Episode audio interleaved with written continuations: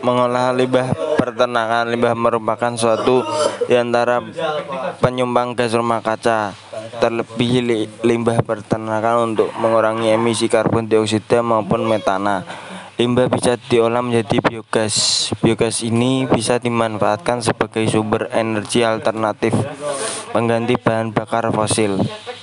Menggalakkan reboisasi Penanaman kembali hutan yang telah ditebang merupakan satu di antara solusi untuk mengatasi emisi gas rumah kaca di udara. Seperti kamu tahu, tumbuhan akan menyerap karbon dioksida dan uap air sebagai bahan baku fotosintesis.